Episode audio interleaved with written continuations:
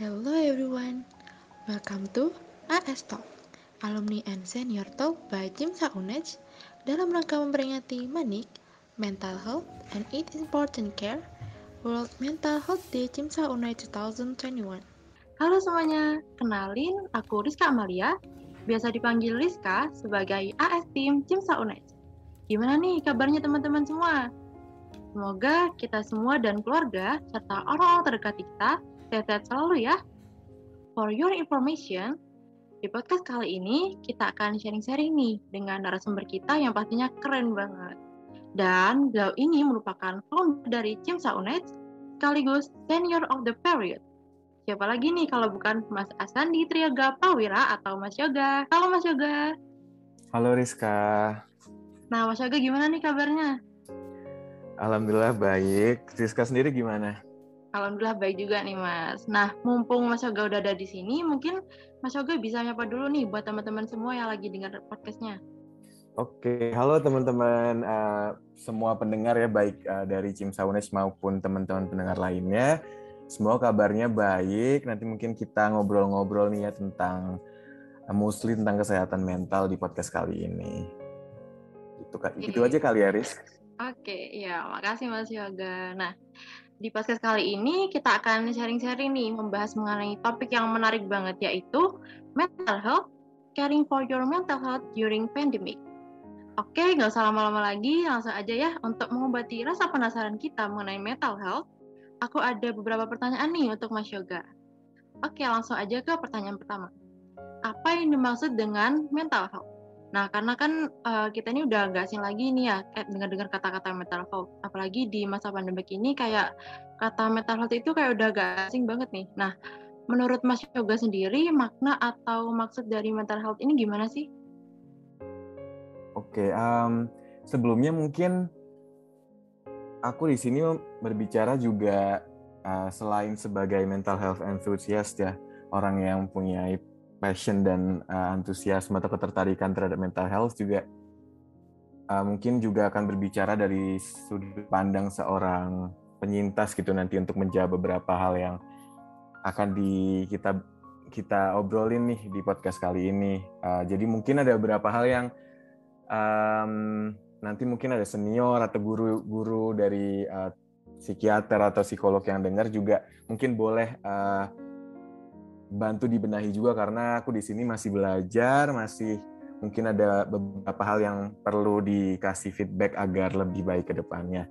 Nah, berkaitan dengan pertanyaan pertama sendiri mengenai mental health itu sendiri, sebenarnya sebelum ke arah sana mungkin ini dulu ya Riz, aku akan nyampein sedikit uh, yang pasti mungkin teman-teman di sini ini ya udah cukup familiar juga dengan definisi kesehatan atau health menurut WHO yang mana kalau dikutip secara tekstual itu kan health is a state of complete physical, mental and social well-being. Jadi suatu keadaan yang lengkap dari baik fisik, mental dan sosial and not merely the absence of disease or infirmity. Jadi keadaan yang lengkap dari ketiga aspek tersebut jadi fisik, mental dan sosial itu juga tidak hanya terbebas dari penyakit atau suatu kecacatan. Dan dari situ kita bisa ngerti bahwa mental, kesehatan mental itu merupakan salah satu komponen utama dari uh, kesehatan itu sendiri gitu. Nah, kan udah ngerti nih kalau kesehatan mental adalah salah satu komponen utama dari sehat itu sendiri. Nah, apa sih kesehatan mental itu?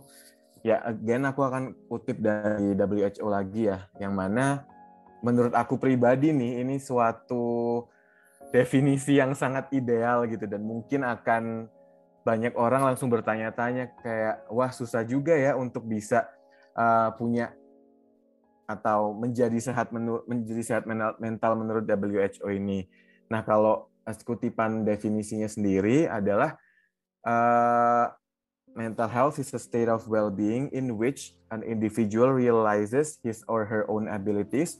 Jadi di mana seseorang itu dapat mengerti kapasitas atau kemampuannya, lalu can cope with the normal stresses of life, yaitu dapat uh, memanage atau me mengatur atau menghadapi uh, stres dalam kehidupannya dan dua poin selanjutnya itu kan work productively and is able to make a contribution to his or her community. Jadi selain dapat memahami kapasitas atau kemampuannya, dapat menghadapi stres-stres yang ada di kehidupan, lalu juga dapat bekerja atau berkontribusi secara produktif uh, terhadap komunitas juga. Jadi kalau dari definisi itu kan agak berat ya kayak waduh kok kayaknya mungkin banyak yang mendengar ini juga ngerasa aduh kok kayaknya belum mencapai sehat mental menurut WHO juga ya.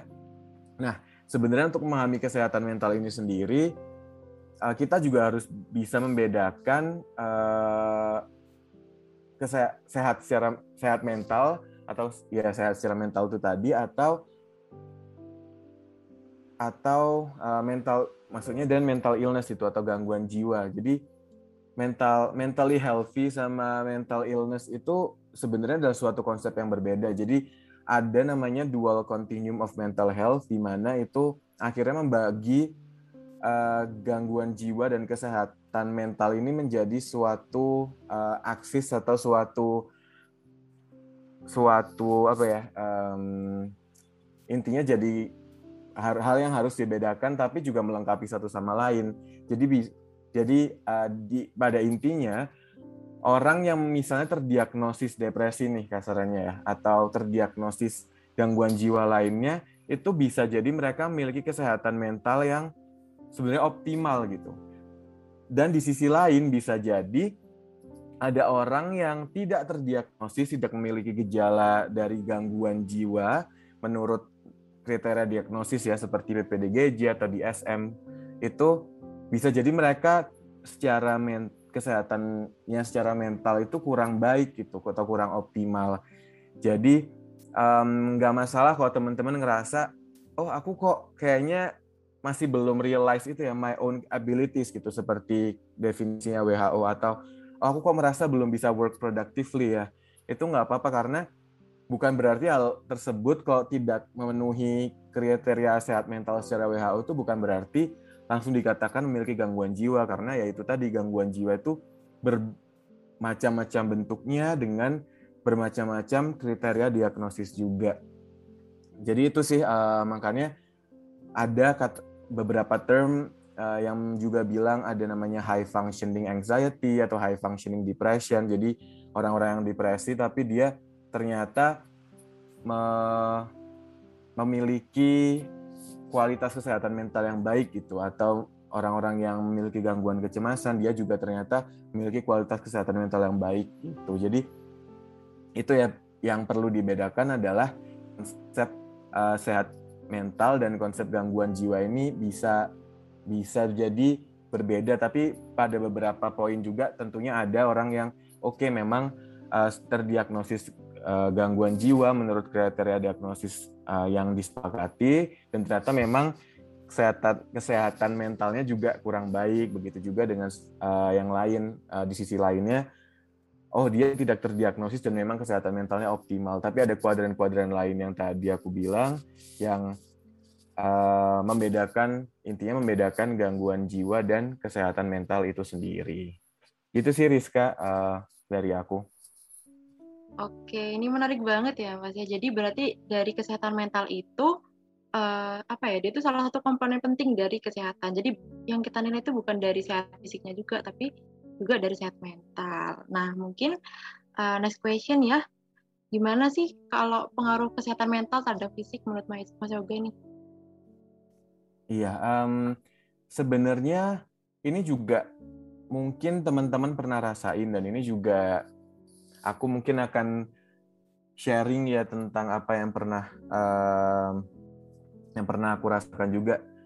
Oh, but anyway, tadi aku lupa nyampein juga jadi ada beberapa hal yang aku sharingin. Mungkin at some point bisa ke arah trigger warning. Jadi mungkin teman-teman yang nanti at some point kurang nyaman dengerin juga boleh take your time to step back. Dan um, aku sendiri terdiagnosis uh, major depression disorder dan generalized anxiety disorder ya jadi mungkin ada beberapa hal yang bisa relate untuk teman-teman uh, yang mendengarkan mungkin apabila ada yang sesama penyintas. oh, balik lagi ke topiknya itu sendiri ya, yaitu bagaimana sih pengaruh kesehatan mental terhadap fisik. Sebenarnya pengaruhnya itu cukup banyak gitu. Um, baik kalau kita merasa kesehatan mental kita bugar atau kesehatan mental kita optimal atau sedang ada dalam kondisi yang baik, ya tentunya akan mempengaruhi kebugaran atau semangat kita dan itu akhirnya bisa mempengaruhi bagaimana sih kita bisa beraktivitas sehari-hari. Begitu juga sebenarnya kesehatan fisik ini juga berpengaruh terhadap kesehatan mental. Misalnya kalian lagi sakit secara fisik ya, uh, demam, batuk, pusing, atau bahkan um, penyakit yang uh, udah didiagnosis dokter atau penyakit kronis itu kan pasti moodnya jadi turun, uh, kurang semangat. Itu kan akhirnya bisa ngerti kalau oh ya kesehatan fisik juga berpengaruh ke kesehatan mental dan begitu juga sebaliknya dan malah um, kesehatan mental ini atau pikiran kita juga itu mempunyai kekuatan yang sangat besar ya menurut aku karena gak hanya itu berpengaruh terhadap perasaan, emosi, tetapi juga bagaimana itu bisa kadang taking over our control to our body gitu. Uh, misalnya nih, kita sudah memiliki uh, kecenderungan untuk gangguan cemas gitu. Jadi udah udah apa ya mungkin secara kriteria diagnosis itu udah masuk gangguan kecemasan dan udah terdiagnosis bahkan. Nah itu tuh kalau udah kambuh akhirnya pasti muncul gejala fisik yang terlihat seperti gemeteran, um, blood uh, apa sih blood pressure-nya naik, terus heart rate-nya naik juga, jadi deg-degan, gemeteran, terus bisa kayak apa ya nggak um, bisa diem gitu, jadi kakinya kadang gerak-gerak itu kan salah satu contoh bagaimana um, gangguan jiwa yang memang terdiagnosis itu bisa berpengaruh juga ke ke keadaan fisik kita ya. Tapi begitu juga dengan hal-hal lainnya yang mungkin belum tentu terdiag terdiagnosis gitu. Misalnya yang tadi, oh iya kita sedang ada di keadaan atau kondisi mental yang optimal atau baik ya itu pasti fisik kita juga ikutan jadi ikut semangat, jadi enak gitulah ngerjain hal-hal yang mungkin kita mau kita kerjain. Dan begitu juga kalau kita mentally kurang baik, unstable itu kan jadi apa ya mungkin memunculkan gejala-gejala atau kondisi fisik yang uh, jadinya ke arah sana juga. Jadi our mind itu mempunyai power yang sangat besar untuk bisa mempengaruhi kondisi dan keadaan fisik kita. Makanya ada salah satu term ya di kedokteran dan aku yakin ini mungkin teman-teman nanti akan belajar semua itu namanya psikosomatis mungkin udah belajar lah ya kali atau bahkan mungkin sudah tahu gitu di mana pikiran kita tuh nggak hanya tadi ya berpengaruh ke misal ke semangat ke badan kita mau ngelakuin apa gejala-gejala yang ditimbulkan tapi juga pikiran kita tuh bisa amplify atau bahkan mem memperburuk keadaan penyakit kita yang mungkin sudah ada sebelumnya gitu. Dan ini terjadi di banyak pasien sebenarnya dan di banyak um, orang Misalnya ada orang yang memiliki penyakit uh, kronis, dia ini sebenarnya dari kerabat aku ya, dia punya low back pain gitu. Low back pain kan harusnya akan sembuh, maksudnya kecuali dia punya low back pain terus uh, kerja di sawah terus gitu ya. Enggak, ini orangnya juga kerja kantoran doang gitu-gitu. Nah ini udah tiga tahun nggak sembuh-sembuh dan hampir sudah pas bisa dipastikan itu tuh ke arah psikosomatis gitu. Karena setelah ditanya-tanya setelah uh, sharing-sharing hal itu selalu kambuh dan sakit kalau lagi stres lagi ada di pressure yang berat gitu. Jadi psikosomatis ini sangat nyata sebenarnya dan aku dapat cerita dari teman-temanku yang di puskesmas uh, dokter-dokter yang udah uh, praktek di rumah sakit. Banyak sekali yang datang dengan keluhan yang ternyata itu psikosomatis. Jadi awalnya tuh udah diobatin uh, misalnya pakai antipiretik, pakai uh, paracetamol gitu. Intinya yang cuman meredakan gejala ya ternyata datang lagi kok belum sembuh gitu, belum ada uh, perbaikan dari gejala fisiknya. Nah, ternyata setelah digali-gali lebih dalam itu ternyata psikosomatis. Dan banyak sekali sebenarnya kasus-kasus kayak gini tuh juga masuk sudah ke ranah uh, klinis yang ke arah misal uh, masuk ke departemen-departemen klinis spesialisasi yang lain dan kita dari awal sekarang harus sudah mulai aware kalau misalnya nanti dapat pasien kita juga harus memikirkan fisik dan mental ini secara holistik gitu. Jadi jangan sampai cuman mikirin oh orang datang dengan gejala misal sakit perut, datang dengan gejala pusing, itu juga kita harus paham ada nggak ya uh, masalah dari kesehatan mentalnya yang bisa kita gali apakah ini sebenarnya psikosomatis atau enggak gitu. Karena percuma kita ngobatin dia secara fisik terus tapi bisa bertahun-tahun nggak sembuh kalau ternyata itu sebenarnya akar permasalahannya adalah dari masalah psikis seperti itu. Nah, um, psikosomatis ini juga sebenarnya sudah menjadi salah satu topik besar di ilmu psikiatri ya. Bahkan udah ada uh, apa namanya fellow fellowshipnya. Kalau misal kalian tahu di spe, bidang spesialisasi itu kan ada yang misalnya uh, Finasim, terus um, intinya tiap spesialis punya ini ya fellow fellowshipnya sendiri-sendiri dan di psikiatri ini bahkan udah ada yang uh, international recognition untuk psychosomatic medicine yang mana itu uh, juga termasuk salah satu bidang dari psikiatri. Jadi psikosomatis ini di hal yang sangat besar dan kita semua sebagai calon dokter juga harus concern ke arah sana. Dan berkaitan dengan juga dengan tubuh kita ya secara uh, fisik. Ada juga nih topik yang menarik belakangannya aku lihat berkaitan juga dengan ilmu psikiatri juga ada namanya nutrition psychiatry gitu di mana ada ilmu psikiatri yang dia lebih menggali juga terhadap hubungan nutrisi yang kita uh, makan nutrisi yang kita ini ya yang kita apa nutritional intake kita terhadap kestabilan mental kita gangguan jiwa yang ada gitu jadi mental uh, dan fisik ini adalah satu adalah dua hal yang nggak bisa dipisahkan dan melengkapi satu sama lain. Jadi harapannya kita nanti bisa melihat tubuh kita, tubuh pasien itu juga lebih holistik lagi. Jadi datang dengan keluhan apa kita bisa mempertimbangkan, oh bisa jadi ini ada ada kondisi atau keluhan uh, mental atau secara psikis juga dan begitu juga dengan yang lainnya gitu. Maksudnya dari segi kesehatan mentalnya juga kita harus perhatikan uh, dari uh, sisi fisiknya juga. Jadi ini um, bisa dilihat lebih holistik lagi lah untuk ke depannya kayak gitu sih. Oke, wah jadi uh, mental illness itu emang luas dan berpengaruh banget ya mas. Dan kita juga memang harus aware sama yang namanya mental health ini. Apalagi di masa pandemi kayak gini yang mengharuskan kita untuk stay at home atau di rumah aja. Oke, next question mungkin bisa dijelaskan ya mas untuk jenis atau macam dari gangguan mental health itu apa aja sih mas? Terus uh, biasanya itu apa yang sering dialami remaja, khususnya mungkin buat pendengar podcast ini mungkin yang masih remaja mungkin bisa untuk dijelaskan Mas? Uh, sebenarnya untuk pertanyaan ini uh, jawabannya nggak mungkin aku bisa breakdown semua dan um, tentunya nanti mungkin teman-teman yang mendengarkan yang uh, tertarik di bidang psikiatri atau kesehatan mental atau bahkan kalian juga misalnya kebanyakan member-member CIMSA yang akan pastinya belajar tentang ilmu psikiatri ya nanti pastinya akan belajar ya tentang jenis-jenis gangguan mental dan uh, gangguan jiwa atau mental illness ini.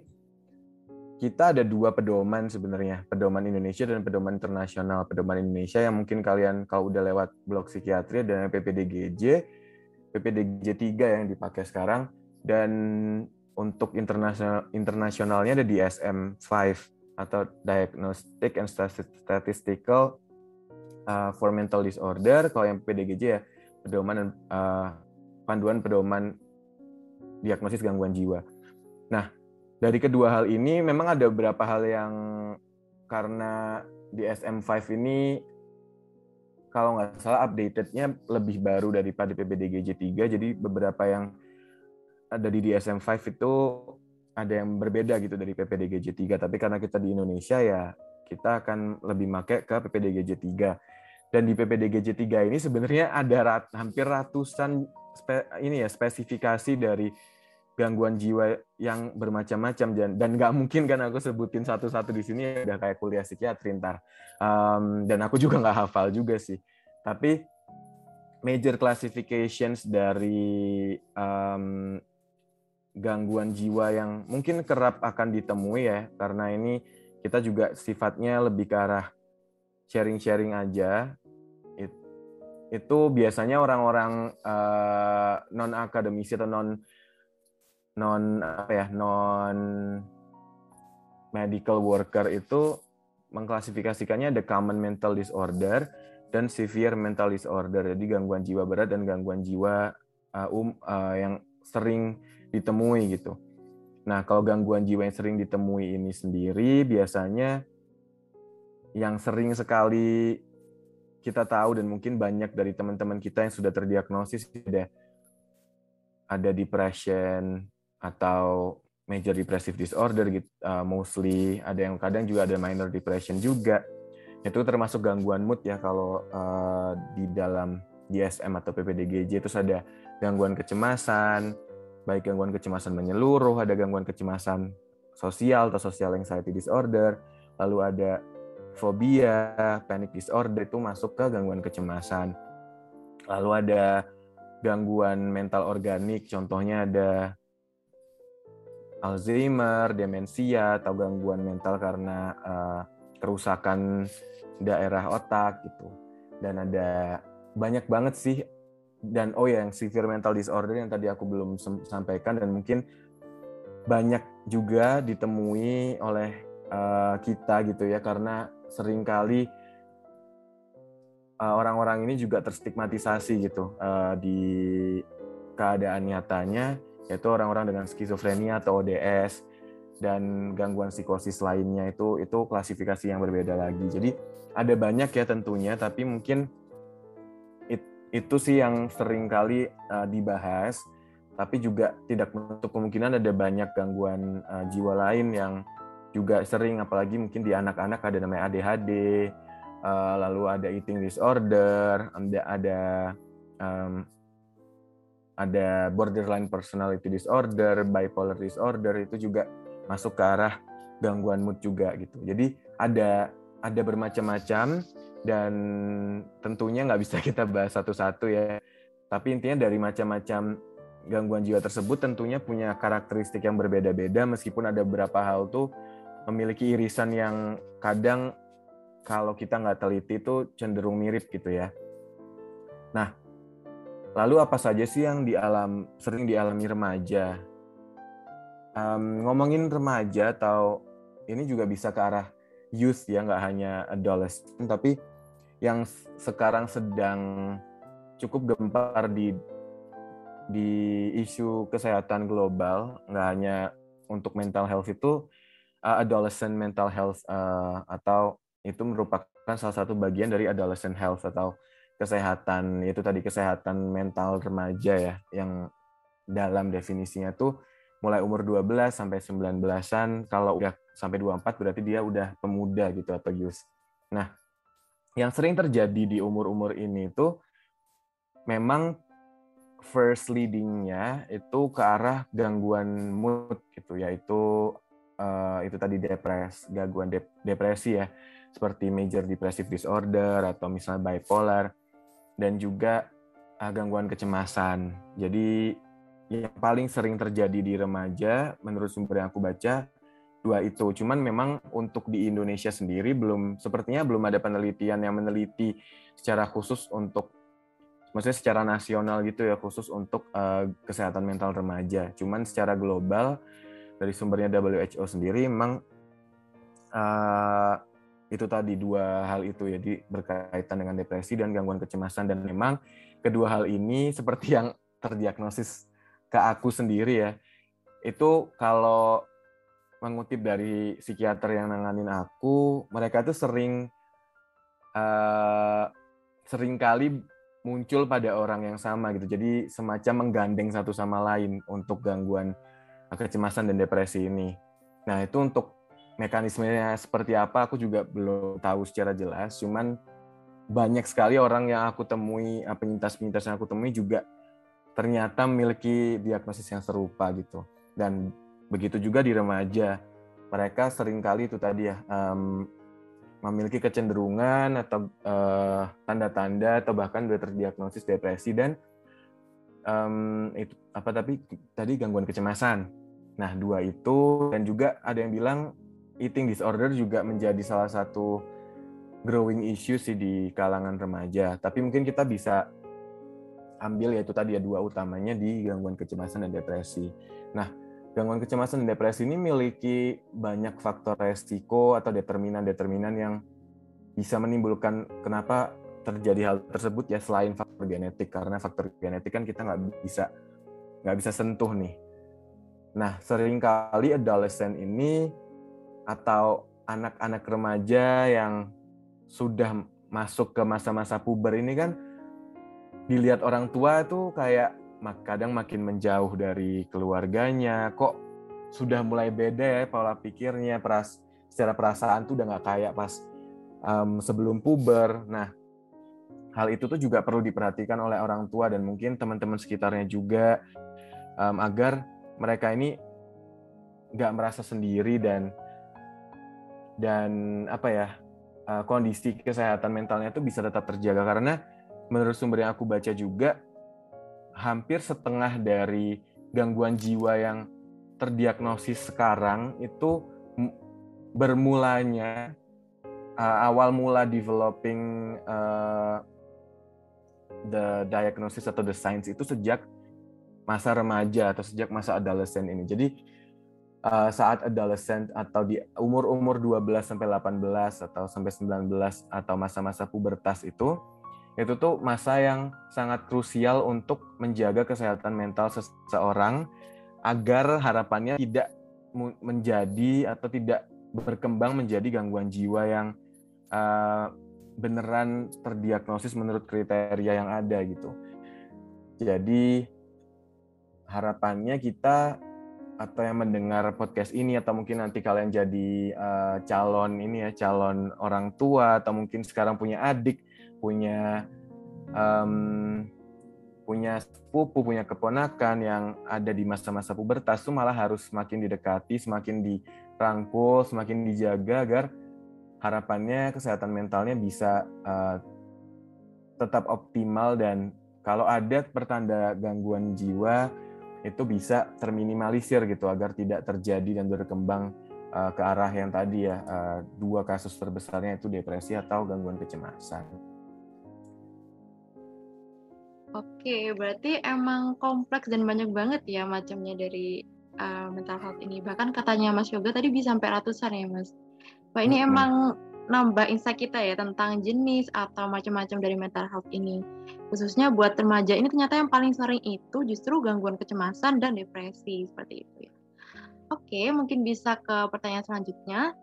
Gimana sih ciri-ciri atau gejala orang yang mengalami gangguan kesehatan mental dan kapan seorang itu harus konsultasi ke dokter atau psikolognya? Nah, ini pertanyaan yang bagus ya dan berkaitan juga dengan um, viral atau trendingnya topik mengenai kesehatan mental ini yang mungkin menyebabkan beberapa dari teman-teman atau terutama anak-anak muda ya, atau remaja-remaja tadi itu bisa ke arah self diagnosis gitu. Karena mungkin baca-baca nih oh ciri-ciri depresi gimana nih? Gejala-gejala gangguan kecemasan gimana? Akhirnya mereka ada yang kadang self diagnosis itu kayak iya aku uh, ini nih aku bipolar gitu bahkan. Bahkan menyatakan gangguan yang lebih jarang dari depresi dan gangguan kecemasan bipolar kan lebih jarang ya secara prevalensi dan lebih rumit untuk mendiagnosisnya. Tapi kadang ada orang yang mungkin self diagnosis ke arah sana dan mungkin ada yang merasa bangga gitu dan ya hal ini tuh perlu kita apa ya perlu kita lebih pahami dan jaga gitu agar treatment dan pencegahannya itu juga lebih optimal dan juga tentunya tidak mendiskreditkan orang-orang yang beneran terdiagnosis karena sebenarnya mengalami berjuang untuk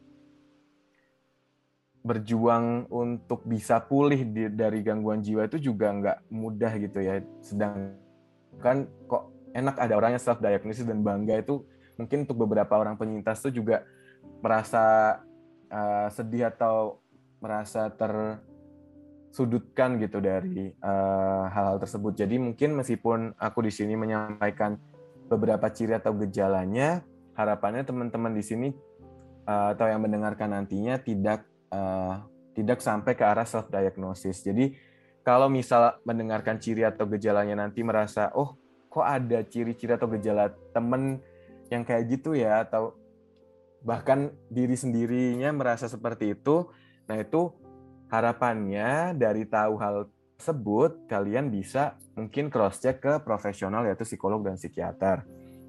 Nah, eh, ciri-ciri atau gejalanya ini seperti apa aja sih? Karena kita tadi sudah membahas kalau gangguan jiwa ini ada banyak sekali ya, mental illness-nya ada banyak sekali. Um, kalau dispesifikasikan tuh, kalau menurut DSM sama PPDGJ itu ada sembilan ini ya sembilan major classification yaitu dinomorin 10, 20, 30, 40 nah itu misal ada 11, 11.1 makanya aku tadi bilang uh, sampai ratusan gitu bisa kalau di uh, total dan benar-benar spesifikasinya dibeda-bedain. Nah, dari tiap spesifikasi itu punya tanda-tanda dan uh, gejalanya masing-masing. Jadi that's why itu butuh psikolog dan psikiater untuk benar mendiagnosis karena ya kita kan nggak bisa self diagnose karena ya kita cuma baca sekilas sedangkan yang sudah beneran belajar hal tersebut tuh udah bisa membedakan yang dari ratusan atau mungkin kalau di, lebih digeneralisasi generalisasikan ya nggak sampai ratusan ya, mungkin puluhan mental illness yang ada dan harapannya ya agar bisa treatment yang efektif dan tepat sasaran gitu. Nah, kalau secara umum hmm, apa ciri-ciri atau gejala atau warning signs ya kita mungkin bilang tanda uh, apa ya tanda bahayanya lah untuk orang di sekitar gitu kalau kita bisa mengenali mereka atau bahkan ke diri sendiri itu mungkin kita lebih enaknya warning signs aja biar kita nggak merasa oh aku bergejala nih gitu atau aku memiliki ciri ini tapi aku memiliki oh ada tanda-tanda bahaya ini mungkin kalau ada tanda-tanda bahaya ini yuk cross check ke itu tadi psikolog atau psikiater. Nah kita bisa mengenali warning signs ini dari tiga hal uh, behavior atau actionnya talk uh, atau word they talk atau apa yang mereka bicarakan dan uh, moodnya atau perasaannya atau uh, emosinya gitu. Nah, dari ketiga hal ini intinya kita harus melihat significant change dari salah satu atau bahkan ketiga hal ini ya. Misalnya yang awalnya nggak pernah ngomongin tentang misalnya kehilangan harapan hidup gitu. Tiba-tiba kok belakangan ini anak ini curhat kayak hopeless ya, feeling hopeless, feeling helpless, kayak merasa nggak punya tujuan hidup, nggak merasa nggak ada gunanya gitu dalam kehidupan. Nah itu bisa menjadi salah satu warning signs yang cukup kuat gitu untuk kita bisa menyadari kayaknya perlu nih untuk uh, butuh bantuan profesional. Bahkan mungkin kita sendiri merasa kok aku udah mulai ngomongin seperti ini ya, itu juga bisa jadi salah satu warning signs. Jadi uh, look out for what they talk about gitu. Kalau misal sudah ter, terlihat kayak kok udah beda kok udah beda ya topik-topik yang biasa diobrolin kok sekarang ke arah seperti ini dulu padahal nggak kayak gini. Jadi perubahan yang signifikan dari ketiga hal tersebut yang salah satu contohnya aku tadi bilang mengenai apa yang mereka bicarakan. Lalu behavior atau action gitu. Misalnya um, yang paling ekstrim ya terutama mungkin ke arah self harm gitu atau melukai diri sendiri itu kan biasanya ini ya eh, penyintas self harm ini ada bekas-bekasnya itu kan kita sebagai teman atau kita mungkin sebagai diri sendiri pasti kan ngerti dan terlihat jelas ya itu salah satu tanda-tanda yang cukup besar gitu yang harus diperhatikan. Uh, behavior behavior lain terutama misal berkaitan dengan uh, again trigger warning misal percobaan bunuh diri. Nah itu mungkin sudah ke arah yang misal uh, mencari uh, benda tajam atau mencari um, cara untuk itu ya untuk uh, ending their life itu itu menjadi warning signs yang sangat kuat itu untuk bisa langsung uh, dibantu untuk diarahkan ke psikiater. Ah, maksudnya profesional baik psikiater atau psikolog. Dan yang terakhir selain action atau behavior dan uh, talk itu mood atau ini ya uh, ya mood atau suasana hatinya. jadi yang awalnya anaknya misal ceria kok tiba-tiba suasana hatinya jadi kayak berbeda ya kok jadi kayak sedih atau lemes atau lesu terus atau bahkan yang awalnya uh, lebih diem tiba-tiba kok jadi lebih aktif jadi le lebih berbeda lah intinya dari yang kita biasanya temui atau bahkan kita sendiri bisa merasa kok aku beda ya sekarang kok aku sekarang merasa nggak punya semangat hidup. Nah kayak gitu itu itu bisa jadi warning signs. Jadi dari tiga hal nih dari um, dari behavior atau action uh, talk atau uh, chat sama itu tadi mood atau suasana hatinya mereka. Nah kalau dari orang lain kan tadi kita udah bisa lihat kalau significant change ya atau bahkan sudah mengarah ke hal-hal yang membahayakan itu perlu uh, diarahkan ke profesional. Nah, kalau dari diri sendiri gimana kapan kita bisa tahu? Atau kapan kita dianjurkan untuk mencari bantuan ke profesional itu kalau sudah mengganggu hidup kita gitu. Kita merasa aku udah nggak kuat nih gini terus, aku merasa putus asa kayak masa sebulan aku di kamar terus? Misal aku sebulan nggak merasa ada semangat dan gairah untuk melakukan apa pun gitu. Melakukan hobi juga nggak merasa seneng. Nah itu mungkin udah jadi tanda oh kayaknya ini butuh bantuan profesional nih. Kan nggak enak ya kita terjebak dalam misal suasana hati yang misalnya uh, kurang baik ya atau misal suasana hati yang sedih terus atau suasana hati yang um, kurang semangat terus itu kan juga pasti kita nggak enak gitu loh ada di suatu loop yang sama dalam waktu yang lama. Karena aku pun waktu itu me, me, memberanikan diri untuk bisa ke profesional ya karena aku merasa udah nggak kuat dengan di, dengan diriku pada saat itu gitu. Aku ngerasa kok gini ya? Aku dulu nggak kayak gini kenapa sekarang aku kayak gini? gitu. Terus aku udah merasa hal tersebut sangat mengganggu kehidupan aku uh, sebagai manusia yang mungkin dulunya aku merasa lebih bisa itu tadi seperti definisi kesehatan mental menurut WHO ya lebih bisa produktif lebih bisa memahami kapasitas dan eh, hal-hal uh, yang bisa aku kontribusikan ke masyarakat gitu. Kok aku sekarang merasa nggak bisa ngapa-ngapain gitu. Jadi intinya kalau udah ada perubahan yang signifikan dan dirasa mengganggu itu udah Uh, menjadi salah satu indikator untuk bisa mencari bantuan ke profesional. Kayak gitu sih. Wah, berarti yang perlu atau bisa aku highlight di sini jangan sampai kita itu self diagnose ya. Jadi lebih baik kita ini kalau misalkan udah ada terasa apa ya kayak ada bermasalah gitu itu bisa langsung ke psikolog atau psikiater yang emang lebih berpengalaman pastinya. Betul. Oke. Okay. Uh, pertanyaan selanjutnya nih mungkin yang bikin penasaran teman-teman semua sebenarnya orang yang mengalami gangguan kesehatan mental itu bisa disembuhkan nggak sih mas?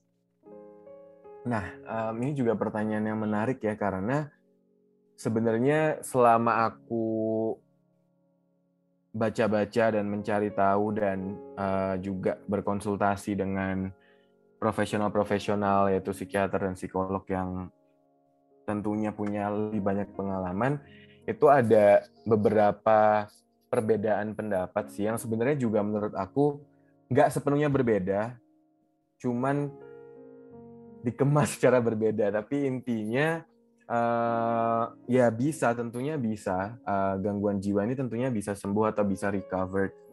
Tapi dua pendapat atau dua hal yang masih belum ada kesepakatan yang jelas uh, dari aku yang ini ya kasarannya belum menekuni atau masuk ke, ke bidang kesehatan mental secara klinis ini ada yang bilang um, tujuan utama pengobatan dari gangguan jiwa adalah remisi atau bu bukan full recovery. Karena kita nggak uh, pendapat yang tersebut bilangnya mereka nggak bisa me, apa ya menyembuhkan secara total. Apalagi kalau sudah terjadi perubahan di di di dalam aspek ini ya di dalam aspek misalnya anatominya. Kan ngomongin uh, gangguan jiwa atau psikiatri ini kan juga berhubungan dengan neuro ya karena makanya kalau di ilmu-ilmu ilmu-ilmu klinis gitu kan neurobehavior, neuropsikiatri gitu ya karena emang kita harus pahami kalau yang terjadi di dalam gangguan kejiwaan tuh ya karena pasti ada problem di di uh, sistem saraf pusat atau di otaknya gitu.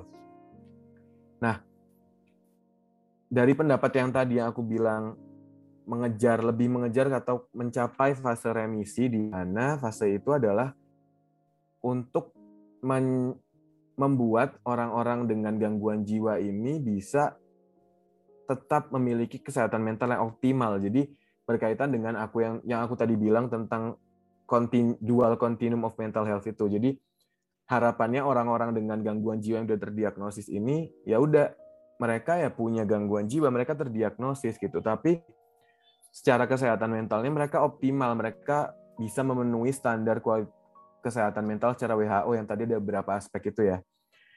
Jadi mereka bisa high functioning despite their mental illnesses. Sedangkan pendapat lainnya ya bisa sepenuhnya bisa memang melalui tahapan dan treatment yang tentunya nggak mudah dan cukup long term sebenarnya. Terutama semakin berat gangguan jiwanya akan semakin holistik dan semakin jangka panjang treatmentnya gitu. Nah kalau aku sendiri sih secara pribadi ya ini, uh, again mungkin yang mendengarkan nanti terutama senior-senior dan guru-guru bisa membenarkan kalau dari aku pribadi ya aku mau lebih merasa emang kita harus optimis dan positif ya gangguan jiwa ini tentunya bisa disembuhkan ya buat apa kasarannya ya kita banyak yang bergerak untuk kesehatan mental terutama guru-guru dan senior kita eh, baik psikolog maupun psikiater. Eh, susah payah gitu untuk bisa eh, mengobati treatment bahkan banyak yang sampai terjun ke lapangan gitu untuk misal pembebasan pasung dan lainnya. Kalau misal tidak ada harapan untuk bisa um, menyembuhkan gitu ya membantu dalam proses pemulihan dari orang-orang dengan gangguan jiwa meskipun yang tadi aku uh, sampaikan juga pendapat yang satu juga nggak sepenuhnya salah dan sebenarnya juga melengkapi pendapat yang untuk bisa mencapai kesembuhan itu di mana ya harapannya at the very least lah orang-orang dengan gangguan jiwa ini bisa high functioning gitu. Jadi intinya ya kedua pendapat nggak nggak nggak nggak ada nggak apa ya nggak ada salahnya dan menurut aku saling melengkapi aja sih. Jadi ya tentunya bisa tapi harapannya juga dengan bantuan dan support dari banyak orang dan kita pun sebagai medical students atau sebagai orang-orang yang nggak harus medical students lah, siapa pun tuh harus mendukung ke penyembuhan dan recovery dari gangguan jiwa karena yang perlu kita ketahui gangguan jiwa itu kompleks banget. Kadang triggernya hal kecil gitu. Yang kadang omongan netizen lah, julitan netizen apa sedikit tuh bisa loh bikin mereka kambuh. Jadi uh, harapannya dengan kita bisa mengedukasi diri kita mengenai gangguan jiwa, mengenai kesehatan mental, kita tuh bisa menjadi orang yang lebih pengertian, orang yang lebih mindful, orang yang lebih suportif terhadap orang lain sehingga orang-orang yang dengan uh, atau struggling dengan gangguan jiwa mereka bisa lebih nyaman dalam proses pemulihannya karena proses pemulihannya itu tadi butuh waktu yang sangat lama gitu. Bahkan aku berbicara dari sudut pandang pribadiku sebagai seorang penyintas ya. Aku udah terdiagnosis dua tahun dan sampai sekarang aku belum bisa bilang aku sepenuhnya stabil dan uh, sepenuhnya optimal gitu secara kesehatan mentalnya. Jadi sampai sekarang pun aku masih diresepin obat. Bayangin, aku merasa aku um, apa ya, half of the time in the past two years atau dua tahun belakangan ini juga merasa kesehatan mentalnya cukup optimal lah. Cuman ya ya tetap aja masa pemulihannya tuh nggak mudah. Bayangin orang-orang dengan akses terhadap fasilitas kesehatan yang mungkin lebih buruk, privilege yang uh, mungkin lebih sedikit dan hal-hal um, faktor lainnya yang mengakibatkan proses pemulihannya lebih sulit atau lebih menantang itu bayangkan betapa sulit dan betapa uh, panjangnya proses pemulihan yang akan mereka hadapi dan itu tentunya nggak mudah. So harapannya kita semua bisa jadi orang yang lebih mendukung dan lebih suportif satu sama lain karena kita nggak ngerti apa yang sedang orang lain ini ya orang lain perjuangkan atau orang lain rasakan gitu. Oke, jadi emang support dari orang-orang sekitar itu juga perlu dan penting ya untuk uh, recovery dari orang-orang yang uh, ya misalkan dia ada mental illness seperti itu. Oke, last but not least, gimana cara kita menjaga kesehatan mental di tengah pandemi? Mungkin ada tips and trick nih dari Mas Yoga untuk uh, menjaga kesehatan mental, terutama di tengah pandemi ini. Oke, uh, menjaga kesehatan mental ini menurut aku tentunya nggak ini ya nggak cuman dalam konteks pandemi aja tapi juga harapannya secara umum kita nanti setelah ya kita berdoa ya semua ini pandemi cepat selesai ya. Setelah pandemi pun kita memiliki kewajiban untuk menjaga kesehatan mental kita dan menjaga kesehatan mental orang lain.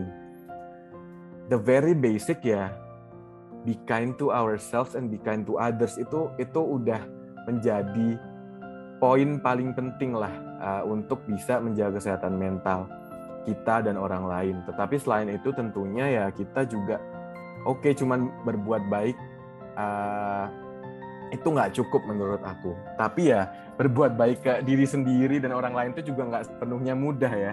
Itu itu adalah suatu proses belajar juga. Apalagi berbuat baik ke diri sendiri itu aku ngerasa sampai sekarang pun aku belum menjadi pribadi yang sepenuhnya baik untuk diri sendiri. Jadi ini sekaligus reminder untuk aku dan teman-teman sendiri jangan lupa untuk terus practicing uh, self kindness lah, self compassion ke diri kita sendiri agar uh, proses kita dalam berjuang menghadapi hidup yang kadang tidak sesuai keinginan atau hidup yang ya tiba-tiba ada pandemi ini kan siapa sih yang uh, ini ya siapa sih yang menduga gitu loh. Nah, ya harapannya semoga dengan self kindness itu juga pastinya akan lebih enak gitu untuk uh, bisa menjaga kesehatan mental tentunya. Nah, um, untuk menjaga kesehatan mental secara umum sendiri, menurut aku kita harus intervensi ke tiga hal yang tadi menjadi komponen utama dari kesehatan itu sendiri, yaitu kita harus intervensi ke arah fisik, kita intervensi ke arah mental, dan kita intervensi ke arah sosial. Nah, gimana caranya? Misal fisik, um, ya kita harus leading a healthy lifestyle to for ourselves. Jadi ini yang aku yakin teman-teman FK dan aktivis-aktivis organisasi mungkin ya sacrificing their life kayak aduh nggak tidur deadline banyak aduh nggak tidur uh, tugas banyak besok mau ujian bla bla bla gitu. Terus udah gitu makannya ngawur gitu ya uh, go food geprek-geprek setiap hari gitu atau makan makanan lainnya terus di, selain itu nggak pernah olahraga juga udah deh makin parah. Itu aku speaking on behalf of myself ya. Jadi ini pengalaman pribadi aku sendiri juga yang mana itu menghancurkan atau self sabotage self sabotaging myself sebenarnya. Dan hal tersebut seperti aku tadi bilang fisik dan mental itu sangat berpengaruh satu sama lain. Jadi uh, healthy lifestyle baik dari aktivitas fisik, nutritional intake, apa yang kita makan itu kita harus mencoba untuk atur dan be, be mindful of that gitu. Nggak hanya nanti penyakit-penyakit secara fisik seperti penyakit tidak menular kayak diabetes dan lain-lain itu kan juga khawatirnya menunggu ya kalau kita nggak punya gaya hidup yang baik. Tapi kesehatan mental kita juga pastinya juga akan memburuk kalau kita nggak menjaga kesehatan eh gaya hidup kita gitu. Dengan uh, olahraga rutin dengan uh, nutritional intake yang baik. Karena itu terbukti membantu. Dan aku sebagai seorang penyintas pun merasa the most effective coping mechanism itu aktivitas fisik gitu. Baik itu uh, jalan atau jogging bahkan lari kalau bisa itu menurut aku sangat-sangat efektif dalam membantu pemulihan uh, secara mental ya.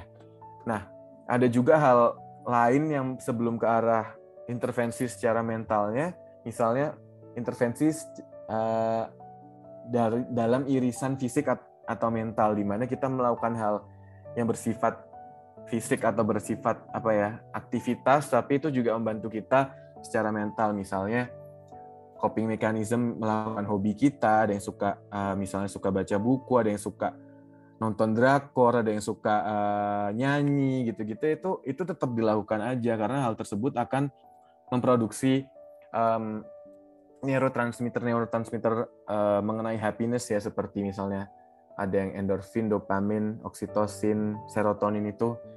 Ada yang salah satunya tentang hobi kan jujur aku agak lupa yang mana.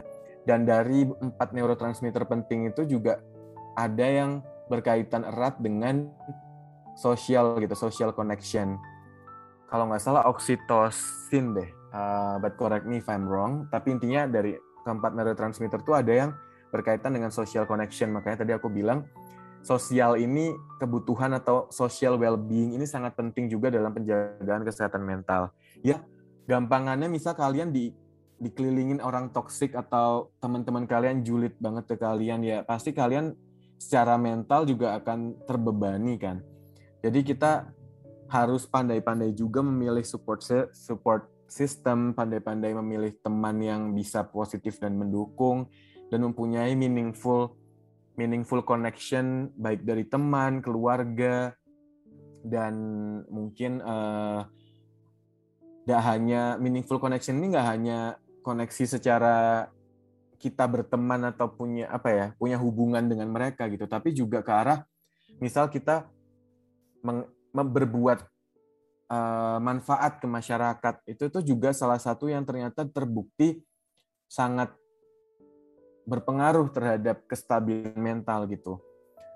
Dan ada penelitiannya juga sebenarnya mengenai uh, misalnya memberikan kontribusi ke masyarakat gitu. Apalagi yang kontribusinya kita bisa directly feeling what they feel gitu. Misalnya kita berdonasi, kita mengedukasi nih sebagai member CIMSA, kita mengedukasi aktivitas ke target grup uh, dari aktivitas kita, misalnya ke ibu-ibu, atau misal ke anak SD dan mereka beneran seneng gitu ya dengan aktivitas yang kita lakuin. Nah itu ada itu akan memproduksi salah satu neurotransmitter yang tadi aku bilang dan hal tersebut tuh malah jadi uh, salah satu most effective uh, coping mechanism juga uh, selain aktivitas fisik dan memiliki long lasting effect. Jadi um, kalau misal kita ngerasa aku udah melakukan semuanya, aku udah melakukan hobi coping mechanism, aku udah melakukan aktivitas fisik kok, tapi aku ngerasa moodku atau mentalku tetap unstable ya. Coba dilihat apakah kalian punya social connection yang baik, apakah kalian punya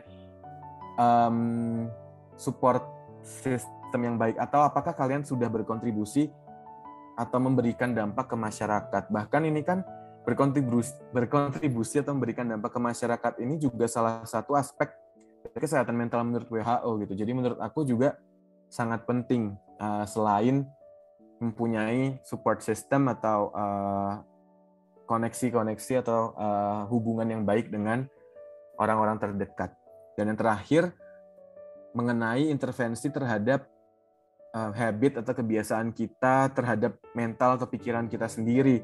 Yang mana ini kalau dibandingkan tips-tips sebelumnya yang ke fisik sosial atau tadi ke arah fisik tapi juga mental itu itu tuh lebih radikal kayaknya kedengarannya. Karena jarang dipraktekkan dan jarang di jarang dilakukan oleh teman-teman apalagi teman-teman remaja ya karena ngerasa ah, aneh banget itu kayaknya orang-orang tua ada yang lakuin atau kayak merasa dikaitkan dengan praktik agama tertentu mungkin. Tapi yang aku pelajari selama ini dan memang mendukung teori uh, psikiatri dan psikologi juga adalah uh, praktek-praktek seperti meditasi. Meditasi ini bukan berarti meditasi dalam praktik agama ya, tapi meditasi dalam memfokuskan pikiran kita untuk memikirkan apa yang ada di depan kita dan apa yang ada di masa sekarang, bukan masa depan dan masa lalu. Karena banyak sekali gangguan jiwa itu pikirannya terjebak antara di masa depan atau di masa lalu gitu di masa depan bisa bisa jadi akhirnya cemas terus karena memikirkan skenario-skenario yang akan muncul di masa depan atau di masa lalu. Dia akhirnya memiliki penyesalan-penyesalan akhirnya dwell in the past yaitu bisa menjadi salah satu warning signs untuk depres, uh, depression.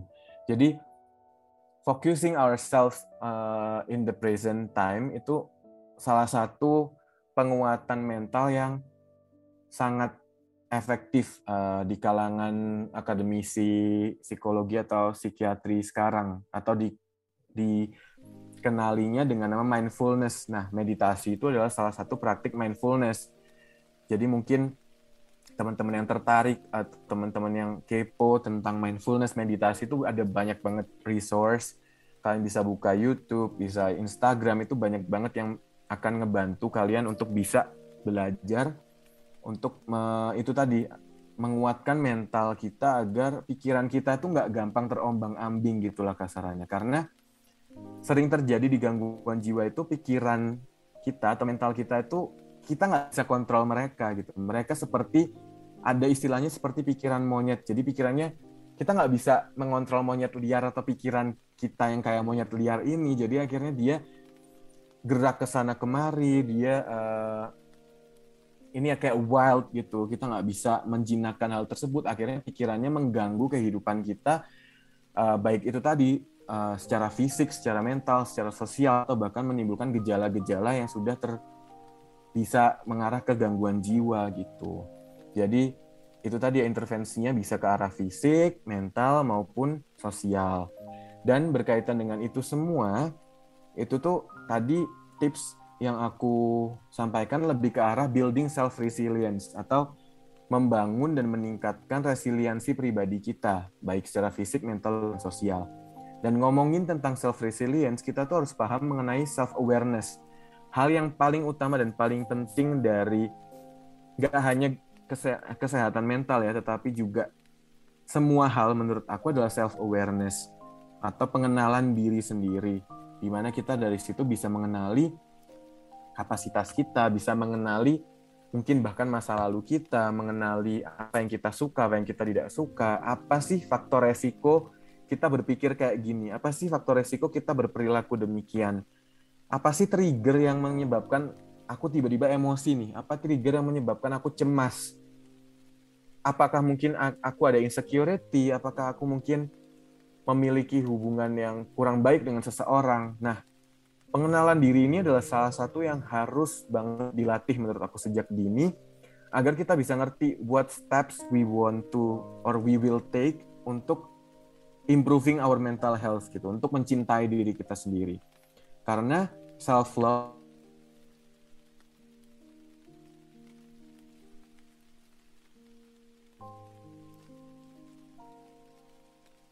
terima dulu gitu apa yang uh, apa yang mau di accept gitu sebelum dicintai ya kita harus tahu apa hal-hal itu sendiri gitu jadi self awareness ini sangat penting baik mengenali emosi mengenali perasaan kita mengenali trigger-trigger atau faktor-faktor untuk misal uh, terjadinya gangguan atau terjadinya warning sign warning signs yang ada di uh, pikiran atau perilaku kita gitu.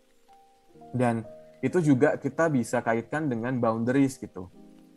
Misalnya ada orang-orang itu tadi ya aku sempat bilang orang-orang toxic atau orang-orang netizen julid gitu atau teman-teman yang kita rasa malah jadi influence yang kurang baik ke diri kita. Nah, kita juga perlu untuk bikin boundaries ke orang-orang tersebut atau bikin boundaries ke kebiasaan-kebiasaan buruk kita juga. Nah, boundaries ini ada kaitannya dengan pandemi sebenarnya. Tadi kan sebenarnya pertanyaannya berkaitan dengan pandemi secara spesifik ya. Nah, kenapa sih ada kaitannya? Karena boundaries ini hampir tidak ada di saat pandemi Kok bisa? Karena karena pada saat pandemi ini kan kita study from home, work from home, organization from home, everything lah mostly from home ya. Dan akhirnya kita nggak punya ruang dan space yang berbeda gitu. Baik uh, pembedaan work, study, bahkan sampai misalnya personal time itu akhirnya kan nggak ada ya. Yang mungkin kita bias dulu kalau kuliah secara offline atau kerja secara offline ya kan ke kantor itu oke okay, ke kantor fokus kerja istirahat juga bisa misal ke kantin atau uh, ke musola atau ke tempat ibadah terus pulang ke keluarga di rumah itu kan akhirnya punya boundaries atau um, ini ya perbedaan yang berbeda-beda gitu untuk untuk bisa pikirannya perasaannya itu bisa memiliki setting yang berbeda-beda gitu. Sedangkan kalau work from home, study from home selama pandemi kan akhirnya nggak ada boundaries tersebut gitu. Istirahat ya tetap misal tetap di kamar atau di rumah atau di kos uh, buka zoom juga tetap di situ setelah selesai juga tetap di situ dan gak hanya boundaries terhadap hal-hal yang dihadapi gitu tapi boundaries boundaries yang terjadi di keluarga misal kalau kalian uh, WFH atau SFH-nya di keluarga ya keluarga yang kebiasaannya berubah juga akhirnya kan mereka nggak punya boundaries juga gitu dan akhirnya boundaries itu melebur satu sama lain dan akhirnya kadang bisa memicukan intrik-intrik atau uh, suatu konflik bahkan di tingkat keluarga atau tingkat uh, komunitas juga. Nah, setting boundaries bukan berarti memisahkan kayak oh nggak mau deket sama keluarga aku atau nggak mau uh, aku nggak mau melakukan hal ini lagi gitu kan nggak nggak mungkin juga ya. Tapi setting setting boundariesnya ke arah yang uh, lebih sehat gitu. Misalnya oh iya uh, kita misal work from home atau study from home-nya beneran bener-bener di kamar masing-masing. Nanti kalau udah istirahat terus keluar kamar. Mungkin kalau udah ketemu orang tua atau ketemu anggota keluarga lain bener-bener ngomongin hal yang berbeda atau ngomongin um, hal yang um, bisa distract from misal the work or study gitu dan bisa building meaningful connection. Karena sebenarnya pandemi ini kan muncul tiba-tiba ya. Nggak nggak nggak nggak ada satupun yang menduga. Dan ini tuh bisa kita lihat dari bagaimana kondisi dan situasi di Indonesia lah salah satunya. Meskipun aku yakin di semua hampir semua negara itu juga terjadi. Jadi pandemi ini kan menguak betapa kekurangannya sistem kesehatan kita sistem kesehatan suatu negara atau organ atau institusi gitu ya. Tapi ternyata pandemi ini ke tingkat individu juga menguak betapa kekurangannya resilience kita, betapa kekurangannya sistem pertahanan atau itu tadi sistem kekuatan kita menghadapi sesuatu yang berubah-ubah seperti pandemi ini, itu akhirnya memperlihatkanlah betapa uh, baik atau buruknya sistem kekuatan atau resiliensi setiap orang baik secara fisik atau mental gitu ya. Misal ada yang karena pandemi ini jadi oleng gitu jadi yang mentally unstable mentally merasa kurang sehat itu kan mungkin karena selama ini memiliki bad habit baik secara fisik baik secara mental atau sosial gitu.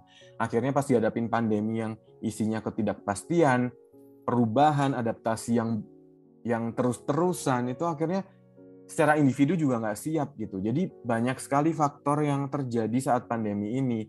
Dan kita nggak ngerti apa yang terjadi di masa depan, tapi yang bisa kita lakukan sekarang adalah pencegahannya dan apa yang bisa kita lakukan juga gitu. Nggak nggak nggak menyalahkan keadaan kayak ini gara-gara pandemi nih aku jadi stres kayak gini nih gara-gara pandemi nih aku jadi uh, kayaknya punya warning signs atau bahkan sampai jadi konsultasi ke profesional nih gitu.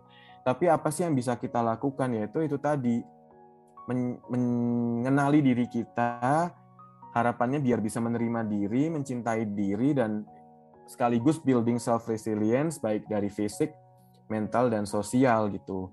Dan harapannya hal-hal tersebut akan membangun satu sama lain um, dan bisa menjadikan pribadi yang lebih sehat mental. Dan akhirnya pribadi yang sehat mental ini aku yakin bisa lebih compassionate atau bisa lebih baik ke orang lain dan lebih baik ke diri sendiri. Dan akhirnya hal tersebut bisa mendukung peningkatan kualitas kesehatan mental nggak hanya untuk diri sendiri tapi juga untuk orang lain. Kayak gitu sih Rizka. Wah, luar biasa banget nih sharing kita hari ini dengan narasumber kita yang expert dan keren banget. Dan pastinya juga sangat informatif bagi pendengar semua, khususnya mengenai bahasan kita kali ini yaitu mental health. Oke, sebelumnya aku mau ngucapin terima kasih banyak untuk Mas Yoga karena sudah berkenan menyempatkan waktu untuk sharing-sharing ilmunya. Semoga sukses dan sehat selalu ya Mas Yoga. Wah, tapi gak kerasa ya kita sudah ada di penghujung acara nih teman-teman. Sedih banget ya, padahal masih ingin tahu nih lebih banyak tentang mental health ini. Aku berharap dari sharing-sharing hari ini bisa membuka wawasan kita semua dan memberikan manfaat bagi diri, keluarga, dan lingkungan sekitar kita. Oke, mungkin cukup untuk podcast kali ini. Jangan lupa untuk share podcast ini ke semua orang agar semakin banyak yang peduli terhadap mental health. Aku Rizka, selaku pemandu podcast kali ini, pamit undur diri dan mohon maaf apabila ada kesalahan. Dan aku juga mengucapkan terima kasih banyak kepada teman-teman semuanya karena sudah mendengarkan podcast kali ini. Stay safe and stay healthy semua. Sampai jumpa di podcast Imsa Unaid selanjutnya.